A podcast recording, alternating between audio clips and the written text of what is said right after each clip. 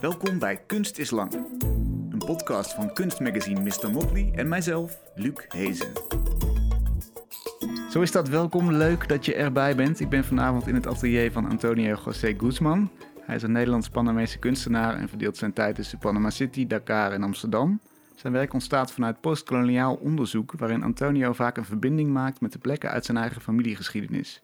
Hij onderzoekt op dit moment de transatlantische koloniale geschiedenis van de kleur indigo, die een spoor heeft getrokken langs verschillende continenten, van Javaanse en Indiase plantages via Afrikaanse tot slaafgemaakte naar Amerika en naar Europa. Het resulteert in een langlopend onderzoek waaruit verschillende projecten voortkomen. De vorm daarvan kan steeds verschillen. Het zijn video's, soundscapes, performances of installaties met speciale kleding of textiele werken. In tentoonstellingsruimte A Rose is a Rose is a Rose in Amsterdam heeft Antonio bijvoorbeeld twee pilaren van de ruimte ingewikkeld in lange lappen met indigo gekleurde stof.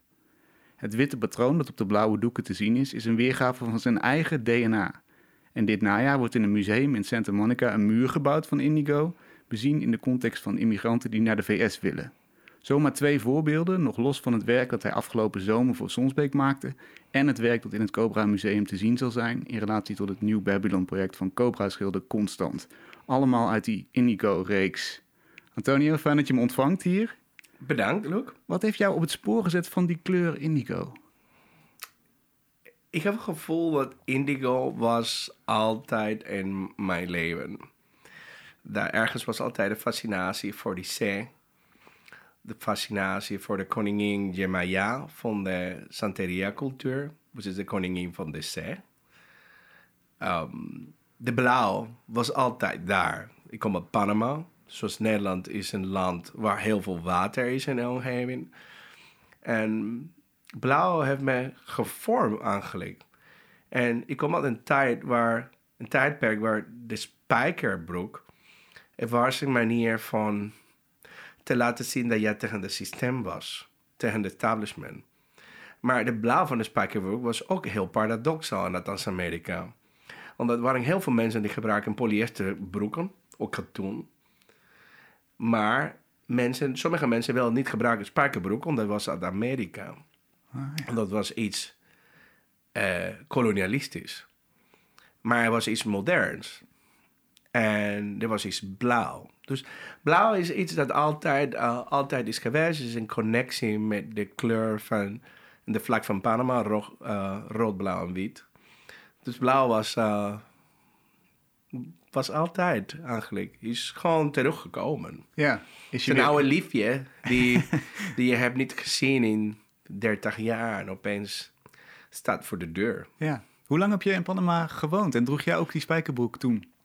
Eh, ja, ik spijkerbroek. eh dat is mijn, als een kind droeg een spijkerbroek met een grote pijp. En dat was gewoon de tijd, dat was gewoon de jaren 70. Dat was dit ding, weet je. Ehm, nee, ik heb in Panama tot naar 23 gewoond. Oh ja. Ja. En later ben je naar Amsterdam gekomen. Ik was op reis in Latijns-Amerika. eh, als een backpacker. Ik was op zoek op, eh, op avontuur. Ik was ehm, een Latino-Amerikanist. Iemand die de Latijns-Amerika eh, heel veel liefde heeft voor Latijns-Amerika. Voor de etnische groepen naar Latijns-Amerika woont. En voor de hele mooie landschap van Latijns-Amerika. Vooral van Centraal-Amerika. Wat is tussen Panama en Mexico. Ehm, nou, ik reisde in die tijd tussen Panama en Guatemala. En daar in Guatemala heb ik ontdekt de eerste keer de textielen van de inheemse groepen in Guatemala. Waar heel veel indigo zit. En indigo, acryl indigo. Ehm, en dat was liefde, liefde in eerste gezicht. Omschrijf dit, wat, hoe zag het eruit? Nou, kijk, de structuur van de vorms. In Panama hebben we molas. En dat is een, um, een embroiderment en borduurwerk van die Hense volk in Panama. Er wordt gebruikt blauw, maar is niet de principieel kleur van de stof. Maar als je arriveert in Lake Atitlan, waar ik werkte, werkte als een Engels docent, was een hippie dan van de wereld. Ik was een deadhead. Deadhead is iemand die helemaal gek is op een band van San Francisco van de jaren 60, die The Grateful Dead, die nog steeds bestaat. Ah ja. Ehm, dus ik reisde met heel veel deadheads en tribal, tribal um, gatherings in Latijns-Amerika. Reis, ik, ik reisde door Latijns-Amerika. Het was een heel organische manier van reizen. Iedereen ge, ge- kende elkaar door tie-dyes. Mensen maken tie-dyes zichzelf. Nou, ties sinds Billie Eilish en uh, alle hippe zangers van nu Ja. um, gebruiken um, tie-dye. Opeens tie-dye is, is opkomend. Maar in die tijd, er was iets... uh, er was een revolution naar de retro-cultuur van de jaren 60. Dat was begin jaren 90. En dat moment toen niemand wilde dragen of luisteren muziek van die tijd. Eh, ik, ben, ik begon hip-hop te luisteren pas later. Ik luister wel Arrested Development en De La Soul. Ehm, maar hip, waar de hele cultuur van Californië, uh, van NWA, voor mij dat komt later. Voor mij was voormalige Sly and the Family Stone, Jimi Hendrix, Grateful Dead, um, Pink Floyd, Jim Morrison. Dat was de cultuur en muziek van Latijns-Amerika. Dus in dat reis waren heel veel hippies van die tijd. Rainbow kinderen, dat zijn kinderen van de jaren 70.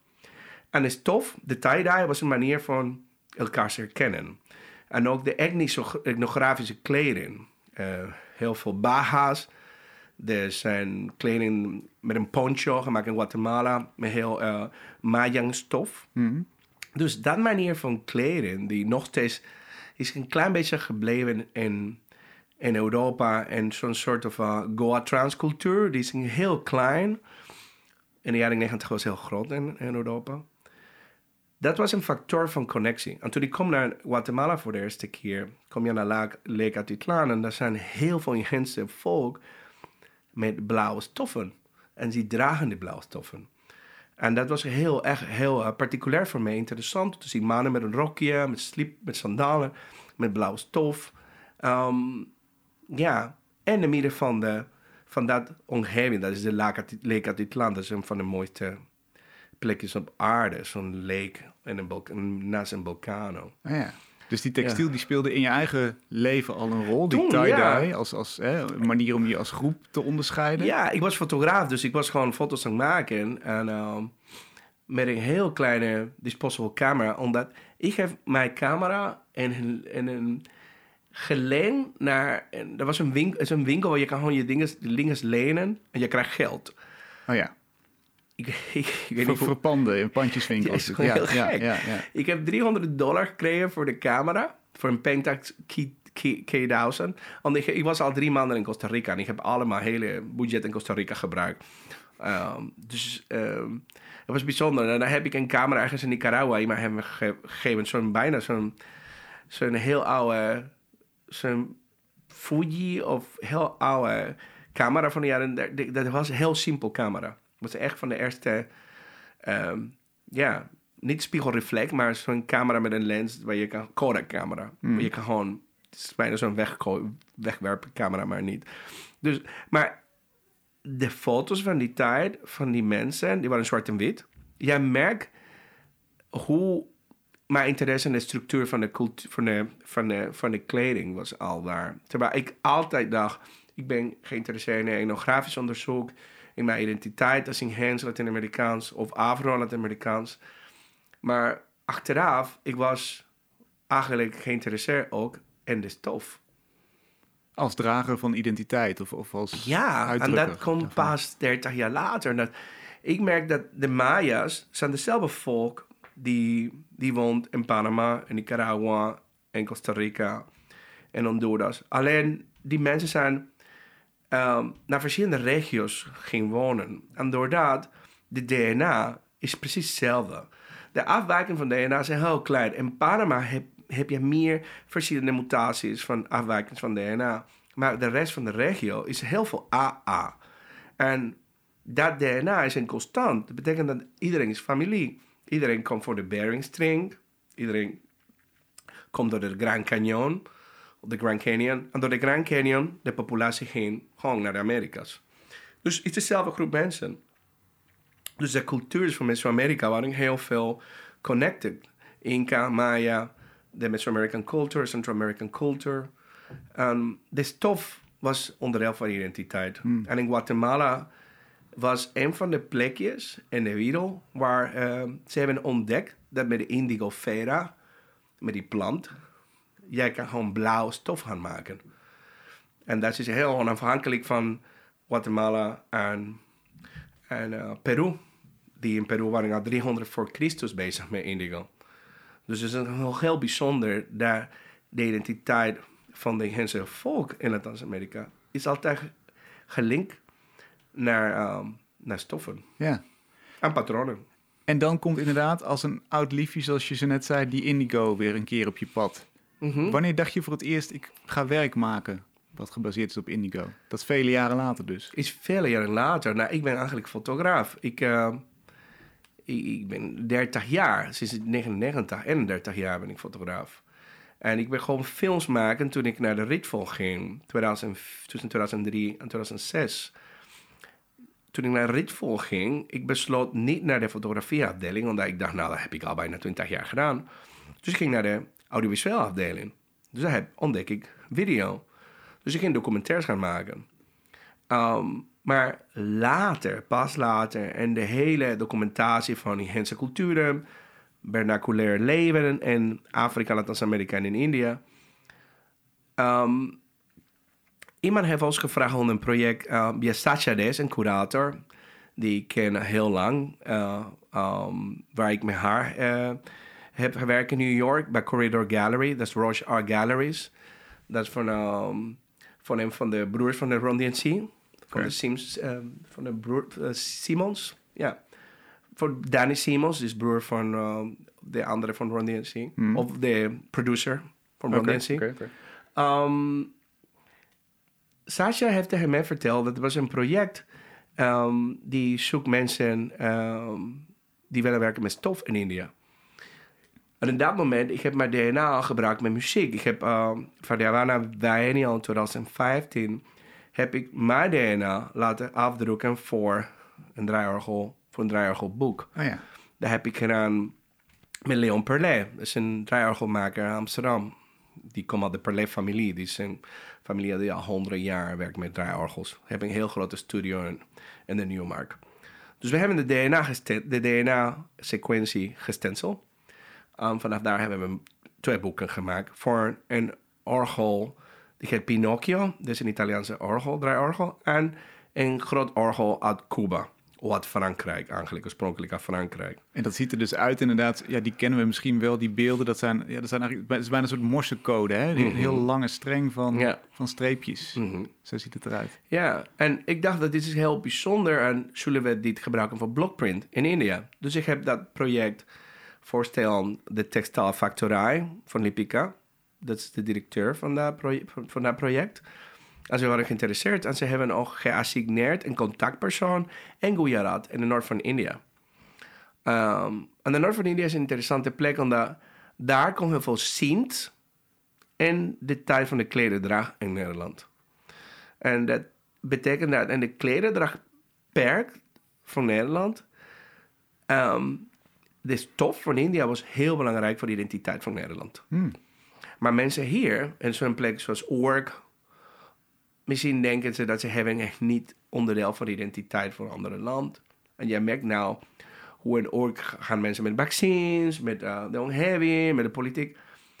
Maar Oork was ook een klederdraag, zoals in andere onderdelen, uh, van Spakenburg of um, en, uh, en, en sommige plekjes in, in Friesland. Ja. De klederdracht eh, was zo ge- verbonden naar India aan de 1800 dat je, je, krijgt kippenvel. Omdat je denkt op de geschiedenis, het was altijd, de geschiedenis was altijd hun meer universeel dat we denken. Ja, dus juist die, die, die klederdracht op Urk, inderdaad, alles rondom het IJsselmeer waarvan je denkt dat is puur lokaal, Ja, oer-Hollands. Die stoffen werden in India gemaakt en Mhm. gekleurd. ja, ja zelf onze theedoeken. Dat komt van Tamil. Dat dit soort van spijkers. Als je ziet dat theedoekenpatroon, die wordt gebruikt ook bij maroons. En eh, dat is de onderzoek van Remy Jongerman en van Neil Fortune. Dat patroon wordt gebruikt in maroon communities. En, eh, In, in Suriname. en Suriname, maar on de Ja. hele Caribbean. Elke eiland, Trinidad heeft en Jamaica heeft en, Elke eiland heeft daar een patroon. Het is een beetje zoals de kilt Mhm. bij de In Schots. Schotland, ja. Maar dit komen allemaal de zaal door Tamil uit ehm, India. Dus het is heel bijzonder, omdat we, we hebben aan India niet alleen te bedanken de nul. Dit is ontdekt door de In- Hindoestaanse volk, Indiaanse volk. De, nul, de nul, heel belangrijk in ons leven. Voor de, nul, computer, voor de math, voor algebra, voor algoritmes. Maar ook de stoffen. Dus opeens moeten we werk, beginnen werken in, in uh, Ajakpur. Dat is twee uur en anderhalf uur vliegen van Mumbai. En dan zitten we in een soort of Sahel-achtige plek, soort of woestijn. Um, en daar zitten de Indigo Pools en daar zit een Indigo Master, die heet Sofian Katri. Dus ik ben daar met eh Iwa Jankovic, dat is een textielontwerper, die heb toevallig ontmoet in dezelfde periode. Dat ik was uitgenodigd voor deze project. Dus we gingen met z'n tweeën en opeens daar ontdekken we Sofian Katri. En ontdekken we de liefde voor, de Aya, eh, voor, voor Ajakpur en de liefde voor de Ayarak. De Ayarak is een Sikh uit de omgeving van Pakistan. Maar vroeger was geen Pakistan. De Engelsen hebben, zijn eigenlijk de reden dat het land is gesplit. Dus was gewoon India. Ehm, nou ja, er zijn gewoon veel politieke dingen. Dus ik kan gewoon connectie met de Ayarak print. Maar de, de mensen uit die regio, die wonen in Gujarat. En daar ehm, hebben ze eh, gezorgd dat ze werken met de Ayarak. Dit is gewoon een heel onderdeel van de identiteit van de volk.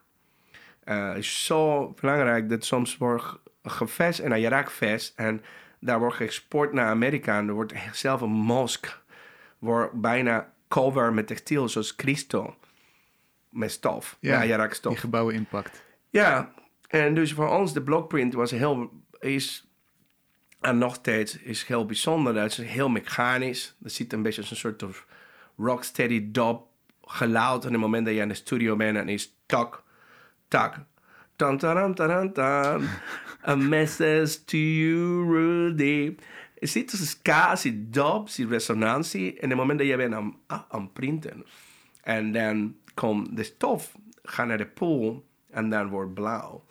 En Ja, dat dus is er zit- alchemie. Dus er zit was op, op, die, op die blokprint, hè, waar dus jouw DNA eh, Ja. naar vertaald is. En die stukken die blijven wit of die worden niet Die blijven wit. Het is een beetje zo'n positief, het is een beetje zoals je werkt met een negatief, Ja. met een camera. Dus terug naar de black room en de En camera. Hij gaat gewoon, ja, maar hier is een gigantisch zwembad waar de indigo gaat en daarna door de fermentatieproces dan wordt omdat jij werkt andersom. Jij werkt met like, zwart en wit. En dan opeens wordt die blauw, blauw en, eh, en wit. Dus het is gewoon een heel bijzonder eh, proces.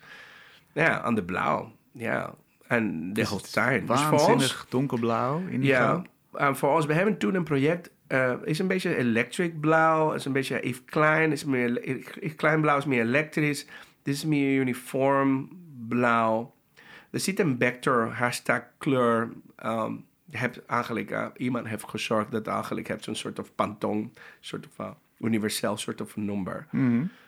Ehm, Hoe, hoe vertaal je al deze research en al deze ervaringen naar concreet werk? Bijvoorbeeld zoals ik nu eh, uitlegde in A Rose is a Rose is a Rose. Wat heb je daarmee gedaan? Nee, ehm, voor Ro- Rose is a Rose. ehm, we hebben echt een hele lange weg, omdat we hebben echt de project begon. Het eerste project voor ons was in New Dakota met Tanja Kahneman bij de NDSM. Daar hebben we de eerste presentatie. En daar hebben we alleen twee indigo werken. En met geroute patroons. En soms traditioneel Arabisch patroon. En DNA. En dat was op, gemaakt op een traditionele manier. De, de textiel wordt geframed, ingelijst in de Arabisch aan de geroute patroon. En daar in het midden was de DNA. Maar later, toen we waren in Venetië voor de Biennale, um, eh, de internationaal Biennale. Um, we waren daar voor de opening van Remy Jongerman. En we komen tegen uh, Bonaventura en Kindong, de um, grote curator. Hij was curator van Documenta, is de curator van Sonsbeek, was onze curator in Sonsbeek, twee maanden, twee maanden geleden. Mhm. En we, hebben daar, we raken daar in gesprek over de stof. En de stof dat een kunstenaar heeft gepresenteerd, een Franse, Afrikaanse kunstenaar heeft gepresenteerd in Documenta een aantal jaar geleden. En en opeens was het een beetje zo'n illumination voor ons. In die gesprek, we dachten, oh, als we Sonsbeck doen, dit moet gewoon indigo. En opeens was het dat hele idee van Electric Dub. En dat Electric Dub Station, die idee van is een indigo, dat is elektrisch van kleur. En, en, en de dub, daar zit een, res- een muziekresonantie in die stof. Dus daarom voor Sonsbeck was gewoon dubmuziek, de eh, muziek gemaakt op de DNA. Onder de draaiorgel muziek hebben we gezorgd dat, uh, dat een compositie is gemaakt voor piano, gitaar en saxo. En die dub is wat je net zei, hè? Dat, dat ritme wat je net zong. Ja. Dat hoor je als je, als je drukt, die blokprint. Mhm. En, en dat, dat, ja, dat echoot eigenlijk geluid. Wat, wat ook inhoudelijk nog veel betekenis heeft. Mhm. Want nou ja, eh, muziek is ook een belangrijke factor hierin. Hè? De repetitie. Ja. is dat repetitie. En, en, en de, de gekke ding is van de doop, als je luistert naar momentum van repetitie, dat doop of dat blokprint in tafel van 8 meter, je stel, stel je staat in een plek met 16 mensen en een heel grote ruimte en een Holstein. En er is geen radio aan. Sommige mensen, ze zijn allemaal islamieten, sommige mensen zingen of op, op versen van de Koran. En jonge mensen soms zingen nog iets modern, maar nog steeds stilte. En dan je hoort alleen de blockprinting. En het is bijna alsof je bent in een tempel van dub of drum and bass muziek. ja. Is, is gewoon een, is een gekke trance moment van, een, van stilte. Maar bijna alle culturen, al alle transatlantische kennis kom in een plek. En dat plek, je bent gewoon daar aan blockprinting. En blockprinting heeft resonantie aan geluid. En jij bent daar in trance aan werk. En dat is anders als je hier in Nederland werkt. Dat is voor ons, daarom vertel ik jou net toen die hier komen over de equator. Over dat, de warme landen. Ehm, soms tijd blijft stil en is langzaam. Want je denkt dat is door de vakantie, maar het is door de equatorial line en ook hoe jij beleeft gewoon dingen zijn andere omgeving. Vooral, voor ons is vooral, we zijn in India aan het werken in een studio van Sofian. Dus ehm, dat is een heel bijzondere connectie. Ja. Jammer, wij kunnen niet reizen nou door corona. Maar nou, de werk is meer mecha- mecha- mechanisch pro- productief geworden. Omdat alles wordt getekend hier en de computer verwerkt, gestuurd naar Sofiaan. En dan komt de werk terug. En door die reden, voor Arroz Rolls, want we hebben de doeken al gemaakt vorig jaar. We willen gewoon iets anders doen met de doeken. Omdat we kan niet reizen. En Christel wilde iets anders. Dus, en er is zoveel sample van textiel, vooral van vlieskan, nepvlieskan, hier in de Dappermarkt. Mhm. We zitten in Amsterdam-Oost inderdaad, hè, vlak bij de We Dagmar. gaan... ehm, we waren ook... uh, deden Indigo Research in Wana- in Wanararia. Dat is een plek in Asakusa in, in, in Tokio. Daar hebben we een paar dagen indigo geleerd. eh, indigo uh, op Chiburi. Dus een Japanse traditie.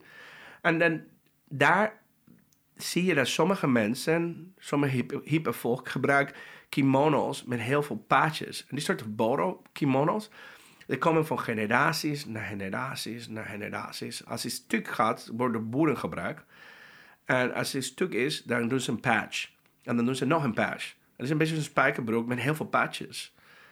En lijkt een beetje een spijkerbroek dat ik heb ooit gehad toen ik een kind was. Want mijn ouders waren altijd, als het kapot was als kind, doen ze nog een patch, nog een patch, nog een patch. Toen ik, eh, en ze kopen altijd de broek groot dat je drie jaar. En dan zat de broek gewoon vol van patches. En dat is de werk een beetje. Dat werk is nostalgisch. Dat werk bij, ehm bij uh, Rozenstraat. Want je hebt verschillende patroons. En dat verschillende patroons staan allemaal in een collage. Dus het is bijna zo'n punk, punk sign. Het is een beetje zo'n... Um, Nevermind the Bollocks, dit is Sex Pistols. Allemaal met kranten gedaan. Beetje jaren 60, automatic poetry. Uh, Lawrence Ferlinghetti. Je pakt je, je, je stukjes papier en dan maak je een gedicht. Alles wat je gepakt in een krant. Gewoon random. Dus we waren een ik begin een beetje random met het patroon. En dan opeens gingen we collage. Nou, dit moet weg, dit lijn moet hier. Dus Iwa en ik waren gewoon een speling hier met het textiel. En dat was fun. Dat was gewoon een heel belangrijk momentum voor ons om terug te komen naar de wortel van de, van de textielonderzoek en de patronenonderzoek. Want de patroon is heel belangrijk voor ons, hoelpatroon bewegen in een ruimte. En dus op een bepaald moment, we zijn een soort, soort van, zo'n soort van architect, architecten van de stof. Ja, Ja. Je, je hebt ook letterlijk de, die doeken om twee pilaren heen gewikkeld. Dus, dus er, zijn, er is iets ingepakt daar. Mhm. Het is bijzonder op het niveau dat Mhm. de stof vanuit, vanuit India in Amsterdam is. Ja. Hè? Dus de, de wereldreis is weer Mhm. afgelegd ook. Eh, het, het heeft ook iets te maken, las ik, met het, op, het opofferen van, van objecten. Het offeren daarvan. Ja. En voor, vooral in Burma en in, in Thailand wordt heel veel boeddhistische mensen doen dat met bomen. Voor geluk en voor als iemand geboren is of een trouwerij, is voor te om te beschermen. Dus het is een boeddhisch rituaal voor bescherming. En rituelen zijn heel belangrijk voor uh, mijn praktijk, omdat ze zijn verbonden naar textiel en verbonden naar alle performances dat we doen samen met die, met die, uh, met installaties en met de printing van de stof. Ja. Wat ook nog belangrijk is, is natuurlijk, het is al even voorbij gekomen, jouw eigen DNA staat daarop gedrukt. Mhm. Eh, in hoeverre is dit project gelinkt aan jouw familiegeschiedenis? Maar het is eigenlijk niet mijn eigen DNA. Het is de hele, na, de hele DNA van de hele Meso-Amerikaanse cultuur. Ja, Dus, ehm, en omdat ik ben Meso-Amerikaan of Latino-Amerikaans, ehm, Afro-Latino-Amerikaans, ehm, dat betekent dat ik heb verschillende, mijn DNA eh, is onderdeel van verschillende kar- karma's, of genetische karma's. Um, dat genetisch karma is dat ik heb Joe's uh, ancestry, dus Jood's Sephardi, eerste synagoge in Amsterdam, gewoon Waterloo- Wat- Waterlooplein. Dat is een Sephardische synagoge, Portugees Joods. Als ik daar in de synagoge ben, dan zie ik foto's van mensen toen voor de oorlog, krijg ik gewoon kippenvel. Dat zijn gewoon mensen die lijken aan mensen in mijn familie in Panama. En dan heb je nog de Sene- Senegambia familie, die familie die is uh, Wolof en Fula of Peuls. Die komen uit de regio ehm, van de hele Sahel. En de Sahel is groot. Nigeria, Mali, Gambia, Senegal, Burkina Faso. En soms zie ik mensen van die regio hier. En we hebben heel veel gewerkt in Dakar. Nou werken we in Gujarat. En je voelt gewoon de verbondenheid met de mensen. En denk met Hense volk, of course. Because- Omdat mijn hele algoritme, mijn hele software is in Hems. Mijn interface is Afro-Amerikaan. Maar, ehm, en daar zit, heel, daar zit een klein beetje Joods. Maar ehm, de hele software is in Hems aangelegd. Dus DNA is, is heel bizar. Omdat ik ben voornamelijk, uit mijn DNA is voornamelijk in Hems. En dan een onderdeel van is Afro-Amerikaans. Maar ik zie het Afro-Amerikaans en ik ben lang. Dus ik zie het gewoon als iemand um, van de Afro-diasporic cultuur. Maar ik ben heel veel in Hems. Um, dus het DNA voor ons is een onderdeel van laten zien de coexistence en de metafoor van een multicultureel samenleven. En um, de idee dat van, de notion van dat zijn veel culturen en veel culturen verbo- verbonden naar elkaar. Um, dat Sterker nog, er is, er is bijna geen cultuur die niet verbonden is met de Ja. rest van de wereld en met al die Nee. stromen. Nee, is voor mij ik, is, is alles zo raar, weet je. Ik moet even vertellen, Luke, dat ik dacht in de jaren 70 en de jaren 90 alles zou beter worden. En dat reef momentum, dat reef tijd, tijdperk, het was zo mooi in Amsterdam. Omdat het was de... Kijk, Panama was al gebombardeerd door de Amerikanen in 89 voor... Omdat ze willen Noriega pakken en dat was zo'n excuus. Het was verschrikkelijk. Maar het was één maand, twee maanden na de val van de, van de wall in Berlijn. Dus de jaren negentig was een moment... Panama was verschrikkelijk, omdat Amerika, eh, opeens was gewoon... Niemand wist wat ging gebeuren met het kanaal. Maar in de rest van de wereld heerste zo'n soort vrolijk moment... omdat opeens was de ijzeren gordijn weg. En dat was geen terrorisme.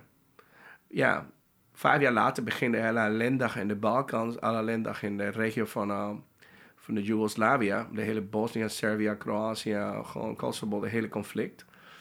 Maar weg van dat, de westerse bubbel was gewoon een hele, hele, gewoon grote paradijs van, van, van situaties. Van grunge muziek, naar drum and bass, naar house, naar de clubhouse, naar retro house naar speed, ga- naar speed garage, naar new garage, naar, ja. En Gothisch. En alle mensen waren hier. Er waren veel tribes in Amsterdam. En die lopen gewoon hand in hand. En, en je wist het, wie ging naar welk feestje en welke muziek. En het was echt zo bijzonder. Freehouse America en de Sam, Silo. Veel uitwisseling, veel vreed, vreedzame... ah, Crack, crackpans. Um, alle feestjes eh, richting uh, Sloterdijk. Ik ben de naam van de plek Rijgor. Um, Roxy. Het wordt Roxy vrijdag met drum and bass. En, en zondag bij uh, Bloemendaal met uh, garage muziek en drum and bass bij Woodstock. En, uh, het was een heel bijzondere tijdperk. En dan kwam de Twin Towers aan, afgelopen. Maar Is, in is die het daar periode... misgegaan, wat jou betreft? Ja, dit was voor iedereen, voor de hele wereld. Die periode was de IJzeren Gordijn voor de Twin Towers. Het was gewoon een bubbel in de westerse wereld. Ja. Het was gewoon, een- alles ging goed. En dat, dat, dat komt niet meer terug. Ik vind het jammer voor jonge mensen die hebben ze daar niet meegemaakt. De jaren 90 hier. Maar toen ik hier kwam, dat was bijzonder. Dat mensen waren aan het ontdekken, ook synthetische stoffen. Wat misschien niet goed voor het milieu is. Maar ehm ehm, dat was gewoon de implementatie van, van geluid en kleding. En, eh, en, en, en elektriciteit. Alien t-shirts met geluid. Mhm. En met aliens die bewegen in je t-shirt. Uh, een broeken met neon, kettings. Heel wijde broeken, wijde stof. Dus er was een heel gekke cultuur. Heel veel kleuren, stof met haar, blauw en rood. Um, dus dat textiel en dat soort van identiteit. Het was bijna zoals ik was in Latijns-Amerika. Met verschillende groepen in Panama. Maar hier, er waren andere tribes met andere soorten identiteit, met kleding. Dus ehm, dat was gewoon een verwondenheid hier. Nou, de alles is heel uh, gemaleerd en hip en dat, dat- je, je mist dat. Hmm. Dat soort van ehm, verschil ja. Van menings en van mensen en, omgevingen en muziek. Het is iets homo- homogener nu. Ja. Meer, meer van ja, hetzelfde. en dat is de reden dat we doen de performances. Hmm. Om te zorgen dat mensen herinneren nog een happening van toen. Ah, ja. En of course, onze, onze performance is alleen maar blauw. Ehm Iwan ontwerpt alle kleding vanaf tekenings. En dan we hebben heel veel gesproken voor de kleding gemaakt. Maar dat performance zijn gewoon indigo performance. Ja. Zijn onderdeel van een soort of rainbow indigo childs. Who are verbonden naar zo'n rave. Naar zo'n jaren 60 happening cultuur. New York, light theater. Daar iedereen was bloed. Maar we zijn gewoon met indigo. Maar nog steeds is de idee van de happening van de... Van, en dat, de, dat connectie maken met de diaspora, weet je, met de cultuur van de Yoruba-cultuur. Afro-Yoruba-cultuur. Dat is connectie met Winti, met Santeria, Candomblé. Dus eh, dat brengt een heel groot universum. Maar er zit heel veel nostalgie. En juist die verscheidenheid, die, die hoort daarin te zitten in die kunst. Die, Mhm. die wil je over het voetlicht brengen. Ja, ik weet niet waarom andere mensen, andere kunstenaars snappen daar niet. Ik denk dat heel veel mensen zijn helemaal echt st- stuk en, zijn, en, en de idee hoe kunst eruit zit. Hoe, hoe moet kunst, wat moet kunst doen voor jou? Moet- Waarom maak je kunst? Ja, maar kunst, omdat, omdat, ja, omdat is een beetje een soort van psy- psychisch, psychisch probleem. je kan niet anders doen.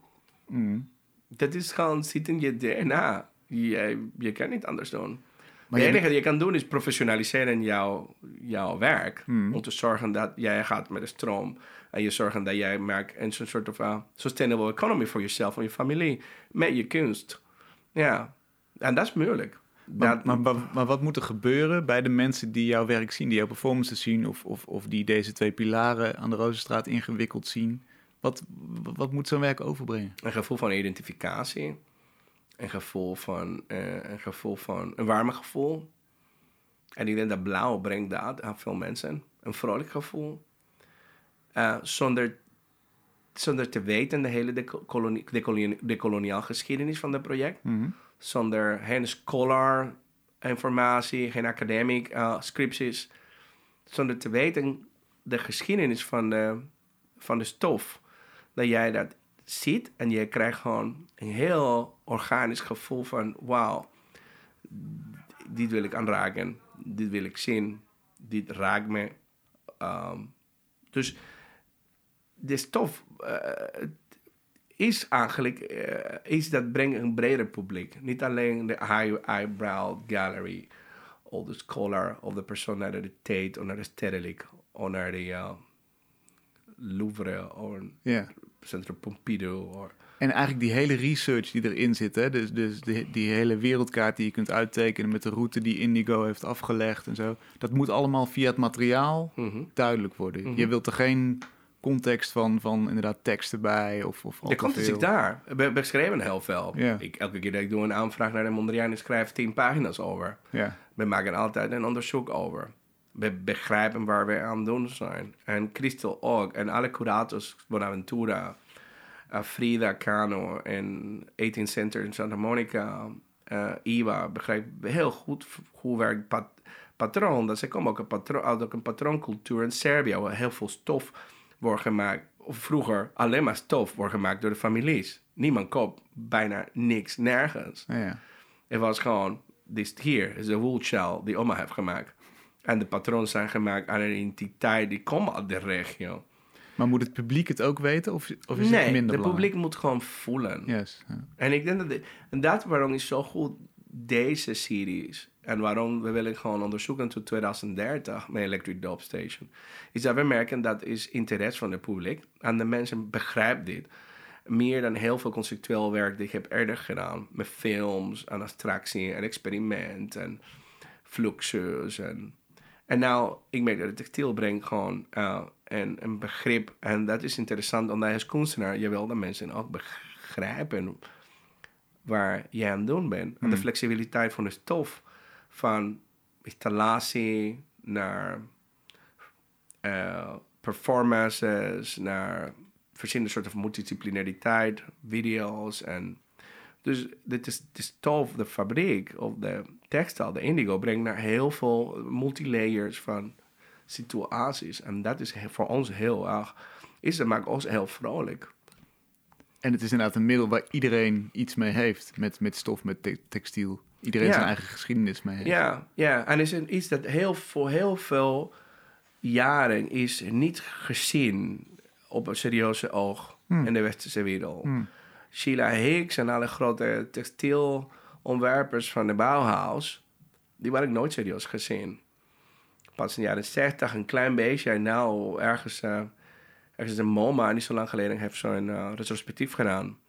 Maar eh, het was een stof die heel veel vrouwen maakten en die was niet serieus gezien. Maar nou, eh Sofia en Kati, die reizen de hele wereld om le- lessons te hebben met de Metropolitan Museum in New York over die stof.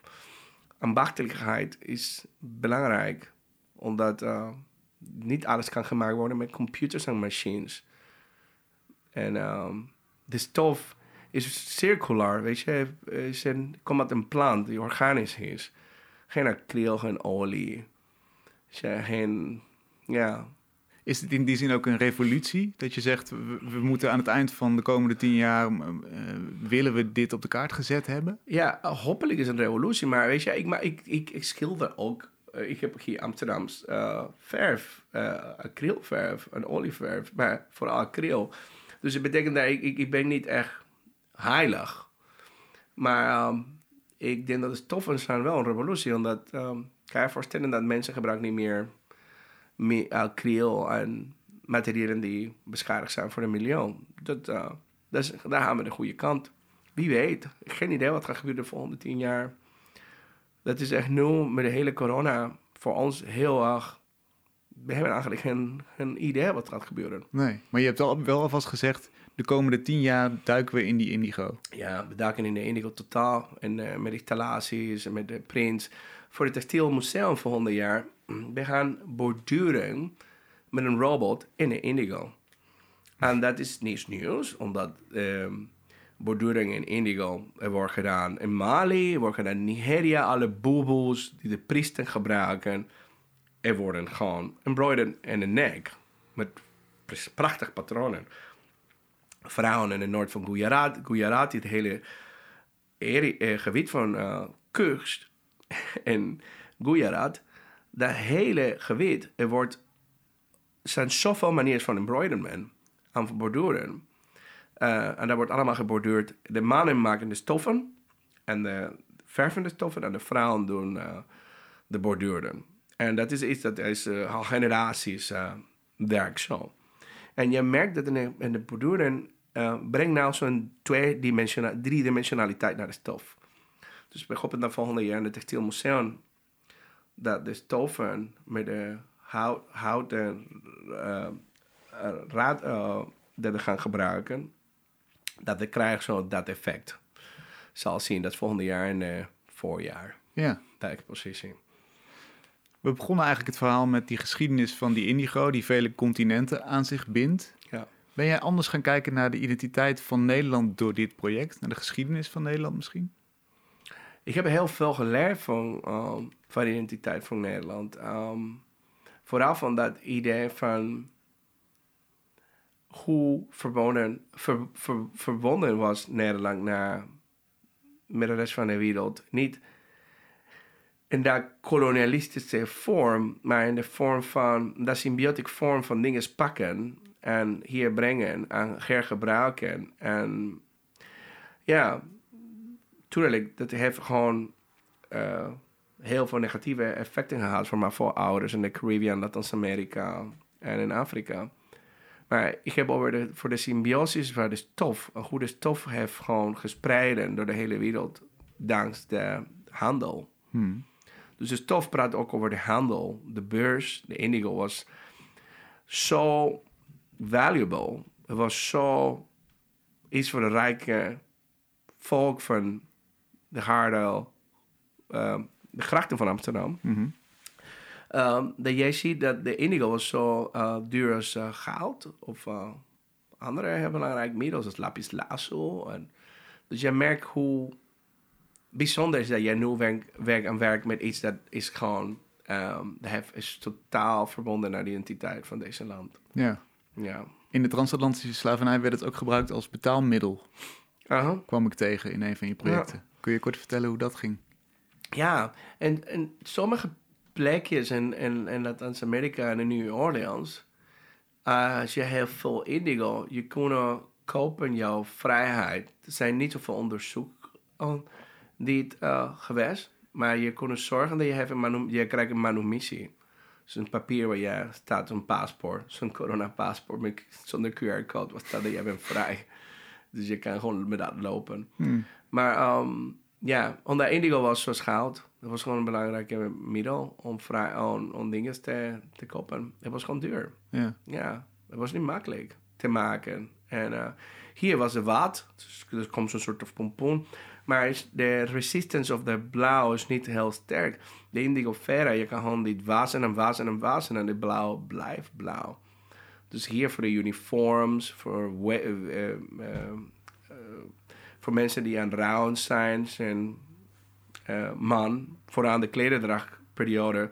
Als je donkere blauw was, was je man net overleden. En het lichte blauw was je man overleden 10 of 15 jaar geleden. Dus, uh, en de uniforms waren allemaal blauw. En me, uh, rijke mensen gebruiken ook indigo blauw. Dus ja, blauw was eens... Dat was verbonden aan rijkdom. Dus je kon gewoon... Als je kon, als je kon krijgen indigo als een slaaf... Je kon misschien jouw uh, freedom kopen. Ja. kopen. Op een gegeven moment is indigo vooral uh, op de kunstmatige manier ja. gebruikt tegenwoordig. 100. Ja. Hoe, hoe, hoe gebruik jij indigo? Je staat aan het begin van die tien jaar eigenlijk, maar hoe, hoe gebruik je indigo om onze huidige maatschappij te begrijpen en de huidige cultuur? Ik denk dat in indigo je ziet gewoon dat soort van. Um, nou, heel veel mensen kijken naar het circulaire effect van zo'n materiaal en niet beschadigt het milieu. Maar je, je weet dat de acryl was ook heel effectief om, om de verspreiding van de kledingrevolutie begin 1900. Maar um, dat was heel negatief op plekken zoals Guatemala. Guatemala naar de indigo, uh, acryl, toen de acryl kwam, of de synthetic verf. En Guatemala ging gewoon niet goed voor, voor, voor decennia. Dat is er nooit goed gekomen. Um, dus indigo, uh, je merkt dat in indigo uh, zit een heel grote uh, factor van, van de verandering van de valutas en van de, van de economische, proces, en economische processen in de wereld. Dus voor ons is meer dat soort van metafoor waar de indigo wordt gebruikt als... ehm, nou, en de andere kant is ook een baluta. Weet je, de galerie in Panama verkoopt ook de doeken. Hmm. Ehm, Het is toch steeds handel. voor goede prijzen. En ehm, ja, dus om mijn indigo's, zijn indigo staat ook in de handel. Dus eh, ja, zoals ik zeg tegen jou als kunstenaar, we moeten zorgen dat we hebben een sustainable economy. Ehm, ja, Het is een fascinerend product en kleur eigenlijk. Hè? Er zit zoveel aan. Er zit muziek aan. Het gaat over handel. Het gaat over geschiedenis. Over, over verwevenheid in de maatschappij. Mhm. Kun jij indigo ook nog wel eens gewoon alleen maar als kleur zien? Zonder al die bij-associaties? Maar indigo is niet precies een kleur, is, meer, is misschien de, de ehm, verf. Omdat je, je, je hebt, er zijn verschillende eh, soorten kleuren indigo. Ah, ja. Maar, ehm, Ik denk ja. alleen aan blauw. Indigo blauw. Ja, de indigo is blauw, maar in elke land de indigo veren aan de proces en de moonzone of de tijd van het jaar, voor jaar na jaar. En welke tijd eh, de krop is ge- eh, gegroeid en welke tijd is dus eh, de fermentatieproces. ehm, ehm, ja, zijn, heel- hoe, hoe lang de zwembad bestaat. Zo'n zwembad met indigo, dan gaat hij tien jaar door. Dus de indigo, de kleur kan veranderen in heel veel. Ehm, ook als indigo res- iets resistant is, uh, kleurresistant, eh, kleur of kleurverf is. Maar voor ons is ehm, ehm, de referentie is al zo, de kader is zo groot nou op het moment dat we kan eh, niet anders zien. Het is wel grappig, omdat jij merkt daarna in de jaren negentig in de New Age cultuur wa- was gesproken over indigo children. Zijn in, in, children met syntautis, uh, ADHD, synte- syn- zintuigen, Oh. eh, sensitiviteit. En eh, er wordt heel veel gesproken nou. Maar ehm, ja, nee, voor ons indigo, we kunnen gewoon niet anders zien eh, met indigo. Wij zien gewoon patronen, we zien gewoon de woorden. De woorden zijn gewoon een heel mooie melodie in onze oren. Als we die horen, eh, komen voorbij ergens in een krant of iemand zegt het woord indigo. Dus gewoon een heel mooi klinkende woord. Ja. En de komende tien jaar ga je dat helemaal uitdiepen en hem van alle kanten bekijken. Ja, ja. Tot we worden helemaal gek met die blauw. Zal zien. Misschien wil gaan met blauw en rood. Of, uh, is gek, want ik was werkte met rood, rood voor dit. En is dit je, je En blauwe periode? ja, maar rood Picasso. dus agressief, is boos. En blauw is kalmeren. Er zit een straal van positiviteit. De connectie met de hemel. Um, voor een ancestral culture. Ja. Er is nog veel te ontdekken. Wat is het eerste nieuwe project dat we kunnen zien wat met indigo te maken heeft? We gaan nou, we zijn nu bezig, we zijn nu bezig met een, eh, een project bij de Katoenfactorij. De Katoenfactorij is een heel bijzondere plek, omdat het in Amersfoort was de eerste katoenfactorij van Europa. En daar, eh, mensen gingen ook afdrukken. En, eh, en daar was echt een heel direct connectie met de VOC en met India. We gaan, we gaan daar eh, een maand eh, werken. We gaan werk daar presenteren. Dat is in Amersfoort, niet zo ver weg van de, de kade in Amersfoort. Ehm, daar ehm, gaan we ontwikkelen ook ons project voor ehm Textielmuseum. En de Textielmuseum is volgende jaar in het voorjaar. En voordat hebben we het project in die Cobra Museum. Dat is 6 november deze jaar. 5 november, een dag voor Museum Night. Museumnacht. 5 november hebben we de presentatie daar. Ehm, ook textiel. En ook een installatie met een heel bijzondere uh, mannequins. Dat zijn gemaakt van uh, een speciale manier. Ehm, je moet zien, en de textiel is onderdeel van. En dat gaat over de relatie met de homo ludens. Vooral met dat idee van de spelende mens van Hausinga, Johan Hausinga, en van Constant, die altijd belangrijk in mijn praktijk is geweest. Hmm, de Cobra schilder. Een Cobra schilder, een muzikant. Ook iemand die heeft ook DNA-studie, uh, DNA-research voor zichzelf gedaan. Uh, met een zigeuner achtergrond ook. Um, dus um, dat project komt in de Cobra Museum. En daarna zitten we in 18th Street. Dat is in Santa Monica. Dat is in Californië. Um, misschien doen we een performance daar in februari. Uh, we hebben de Museum Night. We hebben een Frame It, Frame It en Performance. En in Artie en Misitai. Daar hebben we ook een performance. Het is gewoon twee songs. Uh, wordt een Indigo dub poem, sonic poem gedaan. En volgende jaar hebben we dus het textiel, um, het textielmuseum. Ja, dus... uh, er komt ja. veel aan. Kortom. Ja. Ja, dus er komt heel veel. En plus een, misschien een e- expo of een, groeps, een groep of een solo aan de galerie in Panama, NG Gallery. Ja. Dankjewel. Veel plezier met de Dankjewel, Indigo Luke. de komende Ja. 8, 9, 10 jaar. Ja, en de master. Super bedankt voor deze interview. Dankjewel. Ja, Indigo Blessings. Indigo Blessings, is een, een afscheidsgroet? Ja. Mooi. Tot zover de aflevering van deze week. Die werd mede mogelijk gemaakt door het Amsterdamse Fonds voor de Kunst, het Jaap Hartenfonds en door donaties van jullie. Veel dank daarvoor. We zijn er volgende week weer met een nieuwe aflevering. Tot dan.